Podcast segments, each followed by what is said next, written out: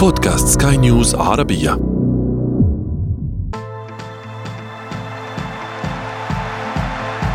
أثير الكرة.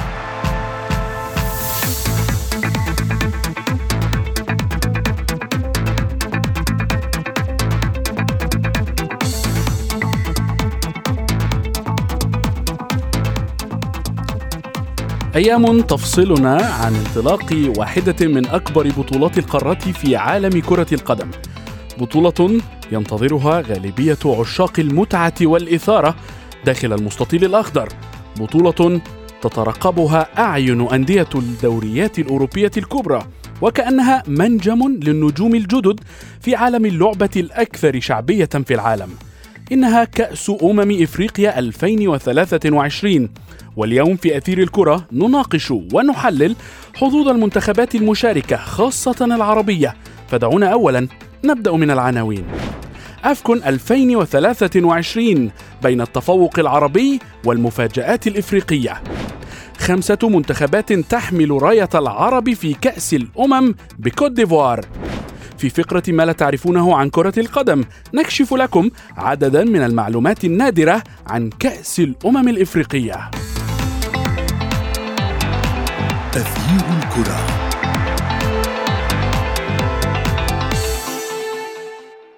بدأ العد التنازلي لكأس الأمم الإفريقية 2023 ومعه تتجه أنظار وقلوب عشاق ومشجعي المنتخبات العربية الخمسة المشاركة ولكن طموحات الفراعنة محاربي الصحراء أسود الأطلس ونسور قرطاج ستصطدم بالنجوم السوداء وأفيال ساحل العاج وأسود الكاميرون والتيرانجا فلمن تكون الغلبة؟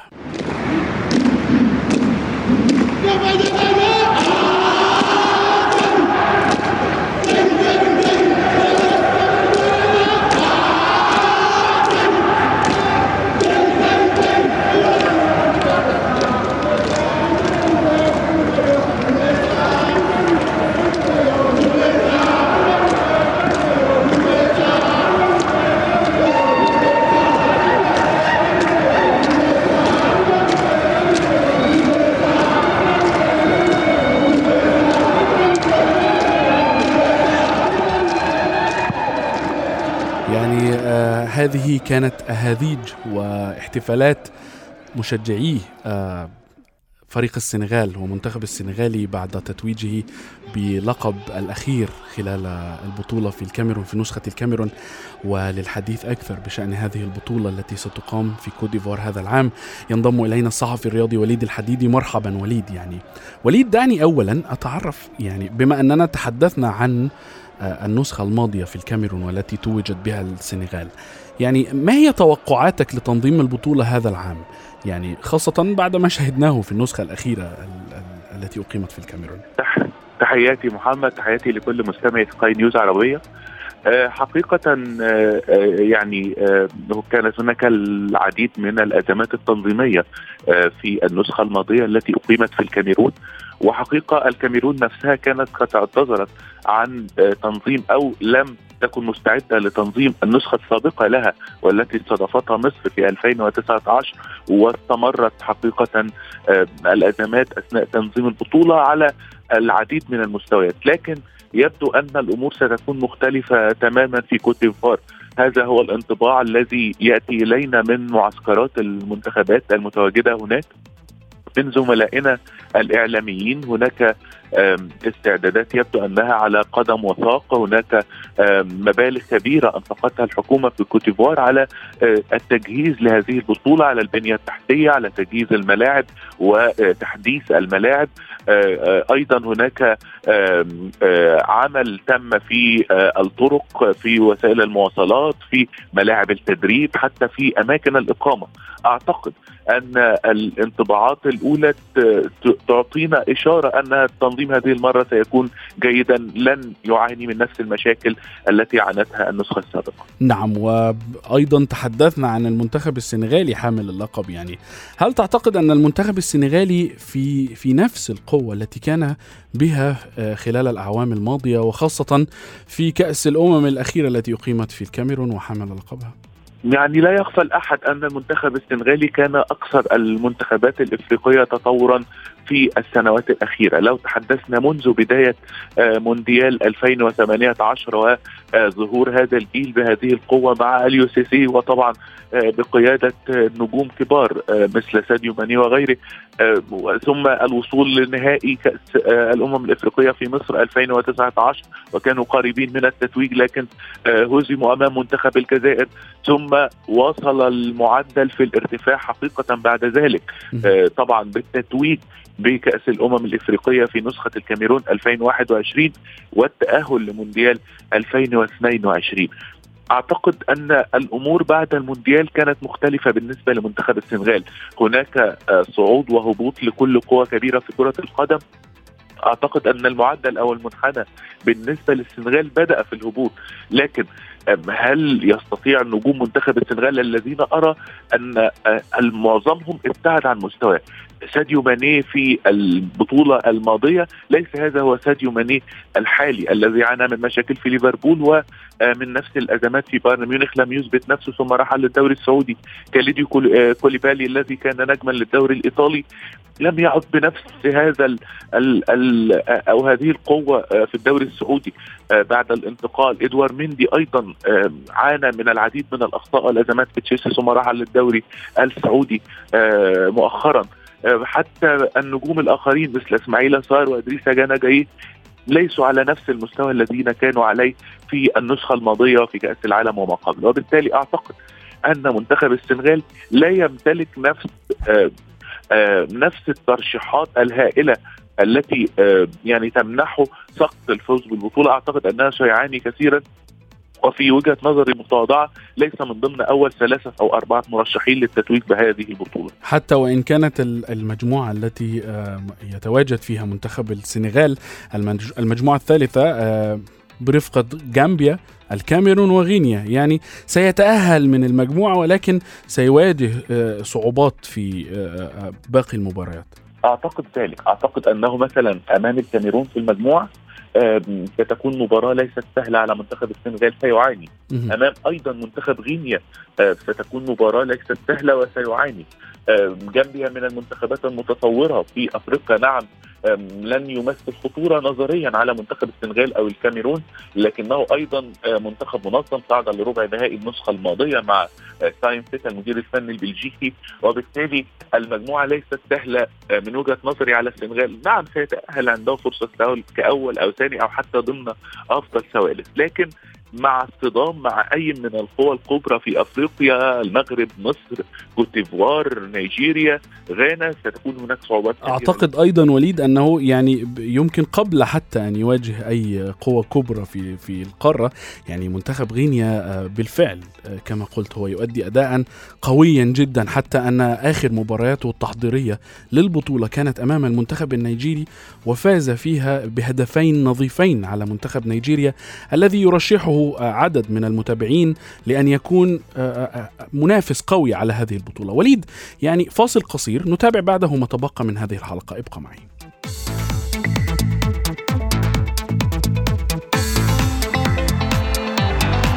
تغيير الكرة.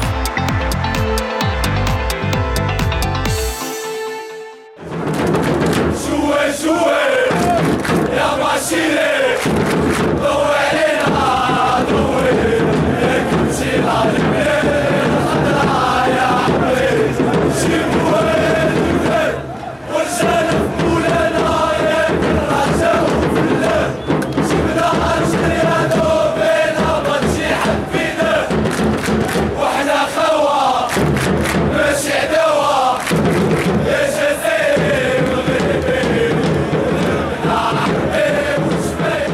يعني بعدما استمعنا إلى أصوات الجماهير المغربية هذا الجزء تحديدا خصصناه للحديث عن حظوظ المنتخبات العربية في كأس أمم إفريقيا 2023 ولهذا أجدد الترحيب بالصحفي الرياضي وليد الحديدي وأيضا أتابع معه باقي الحلقة. يعني وليد بما أننا تحدثنا عن قوة المنتخبات الإفريقية المشاركة وتحدث وكان آخرها منتخب غينيا والسنغال يعني ما هي توقعاتك للمنتخبات العربية في هذه البطولة؟ بكل تأكيد هناك حظوظ كبيرة لتتويج عربي في هذه النسخة هناك أربعة منتخبات عربية على الأقل تمتلك كل الحظوظ ولكن طبعا بنسب متفاوتة فنضع في الترشيح الأول مصر والمغرب والجزائر ثم تأتي تونس من بعدهم بسبب طبعا الإحلال والتبديل في يعني صفوف المنتخب التونسي مؤخرا ثم طبعا موريتانيا ننتظر منها أن تقدم أيضا نسخة مقبولة فريق قليل الخبرات لكنه بدأ التواجد على الصعيد القاري بشكل مقبول وأعتقد مع التأهل للعديد من النسخ سيكون قوة كروية في المستقبل. نعود إلى المرشحين طبعا منتخب المغرب رابع العالم منتخب متكامل فنيا منتخب أيضا قام وليد الرجراجي المدير الفني بدعمه بالعديد من الأسماء ما بعد كأس العالم لم يعتمد على أنه كون هذا الجيل وسيستمر به ووقع في نفس الأخطاء التي وقع فيها العديد من المدربين في السابق بالاعتماد على نفس الأسماء حتى ينتهي عطائهم لكنه أيضا جهز للمستقبل وقام بضم العديد من الأسماء المتألقة. وبالتالي زادت قوة منتخب المغرب. لا تستطيع أن تخرجه من الترشيحات. بالتأكيد. وليد يعني بمناسبة الحديث عن منتخب المغرب يعني دعنا نرحب بالصحفي الرياضي الذي ينضم إلينا الآن من المغرب يوسف الشاطر. يوسف مرحبا بك. يعني تحدثنا عن المغرب وتحدثنا عن حظوظ المنتخبات العربية وبدأنا بالمنتخب المغربي حقيقة. ولكن يعني دعنا نعطي لك أنت فرصة الحديث عن ما هي حظوظ منتخب المغرب رابع العالم في هذه البطولة. مرحبا محمد مرحبا ضيفك الكريم لكل المستمعين. بطبيعة الحال حظوظ المنتخب المغربي في هذه المشاركة حظوظ كبيرة جدا لأن منسوب الثقة هو في أقصى مدى له خلال الفترة الأخيرة المنتخب المغربي هو رابع العالم. مجموعة أو نفس الأسماء التي شاركت في المونديال هي التي ستلعب خلال هذه النسخة من كأس أمم إفريقيا. على الورق المنتخب المغربي هو من ضمن المرشحين رغم أن وليد الركراكي لا يحب هذا الكلام كثيرا ودائما ما يقول نحن لسنا المرشحين للتتويج باللقب. لكن يجب أن نعترف أن المنتخب المغربي مرشح مع أخذ بعين الاعتبار تاريخ وتقاليد المغرب في كأس إفريقيا، المنتخب المغربي دائما ما كان يصل في ثوب المرشح هو يخرج من الدور الأول أو من الدور ربع النهائي، لذلك يجب وضع أيضا في الاعتبار تقاليد المشاركة معرفة كيفية أخذ كأس أمم إفريقيا مباراة بعد مباراة مناقشة الدور الثاني والدور ربع النهائي ثم نصف النهائي. كلها أشياء ربما لا تحصل عليها بعد مشاركة مونديالية. صحيح أن على المستوى الرصيد البشري المنتخب المغربي يملك تقريبا من أفضل العناصر الموجودة في هذه النسخة إلى جانب نيجيريا إلى جانب السنغال والمنتخب المصري. لكن على أرضية الملعب يجب أخذ الأمور بالكثير من الهدوء وأخذ البطولة مباراة بعد مباراة. المنتخب المغربي وصل في 2008 كمرشح خرج من الدور الأول ووصل في 2012 كمرشح أول وخرج من الدور الأول. لذلك نعم. يجب الحذر محمد. نعم يعني تحليلك للمنتخب المغربي الحالي والتشكيلة التي اختارها كابتن وليد الرجراجي للمشاركة في البطولة. هل تعتقد أو إلى إلى أين تعتقد أن يصل المنتخب المغربي؟ هو بالتأكيد مرشح ولكن أريد أن أعرف رأيك أنت يا يوسف. طبعا محمد على المستوى الدور الأول ربما لا نقاش أن المنتخب المغربي سيتصدر مجموعة فيها تنزانيا الكونغو الديمقراطية وزامبيا عادة في الدورات الأخيرة المنتخب المغربي كان ينهي دائما بتسع نقاط في صدارة المجموعة.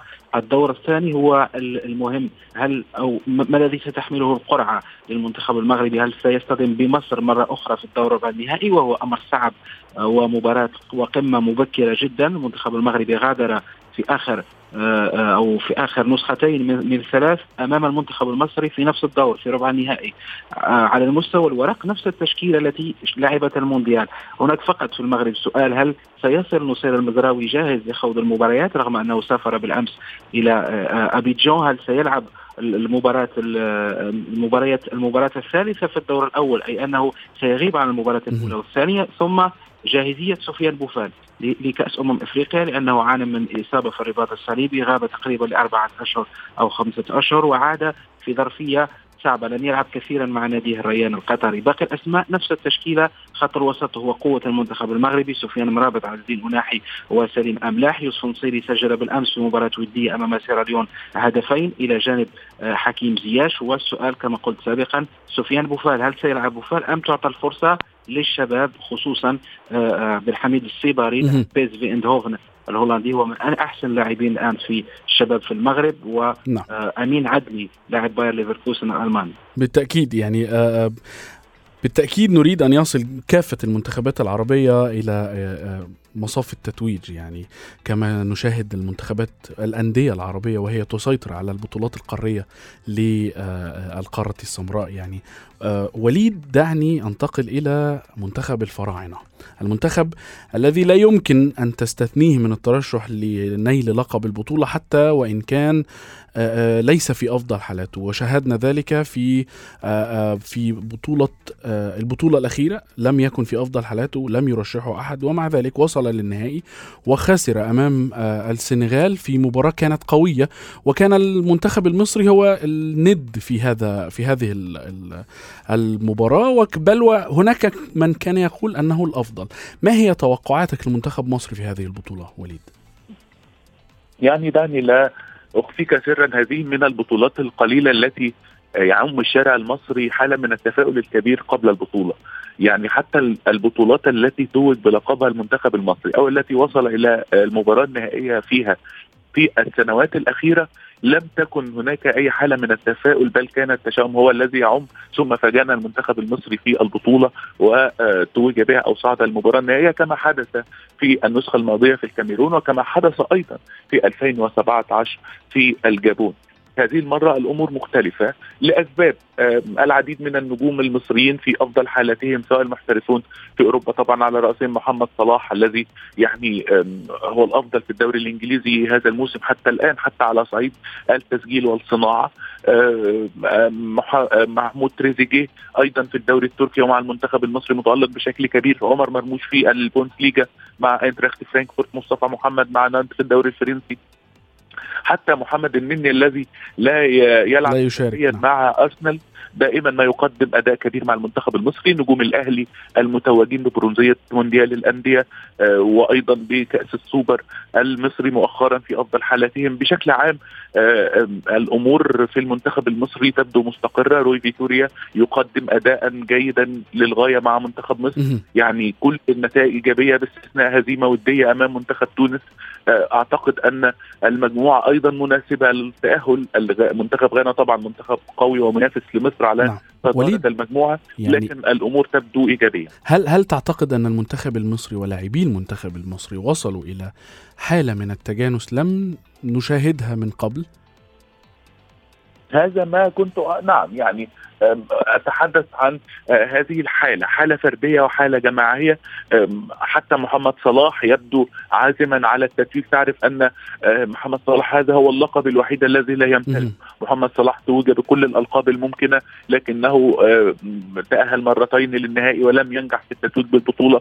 فأعتقد أن عنده نية كبيرة. يبدو ذلك من خلال تصريحاته يبدو ذلك من خلال اللقطات التي نراها عليه في التدريب وفي نعم. آه، المعسكر أعتقد أن آه، المنتخب المصري نظريا يمتلك كل الحظوظ للذهاب بعيدا في هذه البطولة. نعم بالتأكيد يعني يوسف دعني آه، أتجه لك إلى السؤال التالي وهو يعني ما هي المجموعة الأصعب بالنسبة للمنتخبات العربية؟ يعني مصر لديها في مجموعتها غانا الرأس الأخضر وموزمبيق هناك أيضا الجزائر لديها بوركينا فاسو موريتانيا وأنغولا تونس لديها ناميبيا مالي جنوب أفريقيا أما المغرب تنزانيا جمهورية الكونغو وزامبيا ما هي المجموعة الأصعب بالنسبة للمنتخبات العربية؟ محمد أظن أن المجموعة الأصعب هي مجموعة آه، موريتانيا. إذا أخذنا الأمور من وجهة نظر الشارع الرياضي الموريتاني مواجهة الجزائر أنغولا وبوركينا فاسو المنتخب الذي تطور كثيرا في السنوات الأخيرة أمر صعب. أيضا مجموعة تونس صعبة واظن أن المنتخب التونسي يجب أن يحذر كثيرا من منتخبات مالي, مالي وجنوب إفريقيا.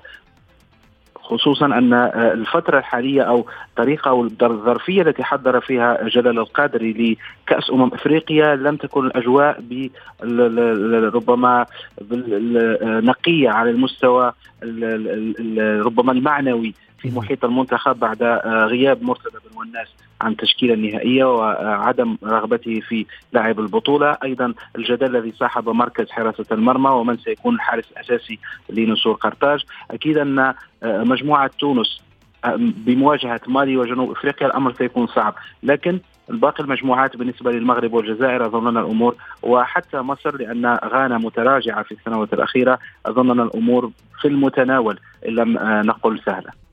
نعم ولكن يعني آه، آه، يعني وليد الجميع أو غالبية ال ال ال من يتحدث عن صعوبة المجموعات يرى أن مجموعة تونس هي الأصعب لديها مالي وجنوب أفريقيا. ناميبيا يعني دعنا دعنا لا نتحدث كثيرا عن ناميبيا ولكن مالي وجنوب أفريقيا منتخبان قويان يقدمان كرة آه، قوية كرة رائعة. ما هو رأيك في ما هي المجموعة الأصعب بالنسبة للمنتخبات العربية؟ أكيد يعني إذا افترضنا أو يعني قلنا أن منتخب موريتانيا هو منتخب متطور ويعني لا يمتلك حظوظ كبيرة في المنافسة في هذه النسخة فبالتالي نذهب إلى صعوبة المجموعة بالنسبة لمنتخب نأمل أن يكتمل مشواره حتى الأدوار الأخيرة وهو منتخب تونس، تونس معه مالي منتخب دائما ما يصدر الصعوبات لأي منتخب في أفريقيا، نعم لا يكملون المشوار للمباراة النهائية على سبيل المثال لكنهم يمتلكوا تشكيلة قوية جدا بقياده طبعا إيف بيسوما والعديد من الأسماء الأخرى المميزة في التشكيلة، آه، أيضا منتخب جنوب أفريقيا دائما ما يكون منتخبا مرشحا يمتلك مجموعة متجانسة سواء من نجوم صن داونز أو النجوم المحترفون في أوروبا أو حتى بيرسي تاو لاعب الأهلي وأفضل لاعب داخل القارة السمراء والذي توج بها مؤخرا. أعتقد أن تونس عليها عمل كبير وتركيز كبير في مباريات المجموعة لتخطي المجموعة ثم في المباريات الإقصائية هناك يعني حديث آخر.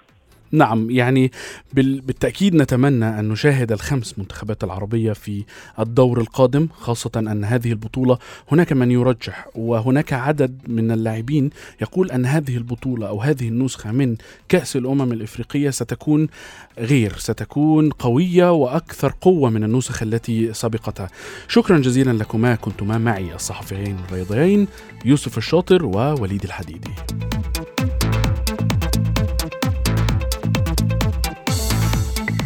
وصلنا إلى فقرة ما لا تعرفونه عن كرة القدم. وبما أن حلقتنا اليوم كانت عن كأس الأمم الإفريقية فقد خصصنا هذه الفقرة لعرض عدد من المعلومات التي قد تكون جديدة على مسامعكم. تنطلق في كوت ديفوار النسخة الرابعة والثلاثون من كأس الأمم الإفريقية بمشاركة 24 فريقا للمرة الثانية في تاريخ البطولة. فالنسخة الأولى للبطولة الأكبر في القارة السمراء كانت بمشاركة ثلاثة, ثلاثة منتخبات فقط هي مصر السودان وإثيوبيا. وظل العدد يرتفع حتى وصل إلى 16 منتخبا في العام 96 والمرة الأولى التي أقيمت فيها البطولة ب 24 فريقا كانت في نسخة 2019 والتي أقيمت في مصر وفاز بها المنتخب الجزائري. قائمة الهدافين التاريخيين لكأس الأمم الإفريقية يتربع على عرشها النجم الكاميروني المعتزل صامويل إيتو بثمانية عشر هدفا ويبدو أنه سيظل حاملا لهذا اللقب لأعوام طويلة خاصة أن أقرب منافسيه معتزلون إضافة إلى أن النجم النجوم الحاليين الأقرب إليه هو النجم الغاني أندريا آيو القريب من الاعتزال بعشرة أهداف أما اللاعب الأكثر تسجيلا للأهداف في نسخة واحدة فهو الكونغولي مولامبا ندي حينما سجل تسعة أهداف في نسخة عام 1974 المدرب الأكثر تتويجا باللقب تقاسمها اثنان الغني تشارلز جيامبي الذي قاد النجوم السوداء لثلاثة ألقاب أعوام 63 65 و 82 والثاني هو المعلم حسن شحاتة والذي قاد الفراعنة لثلاثة أعوام متتالية 2006 2008 و 2010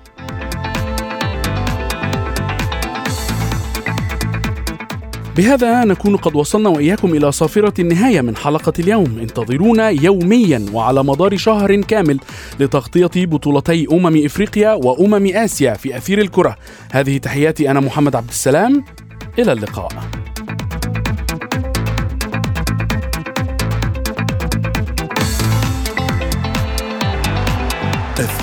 أثير الكره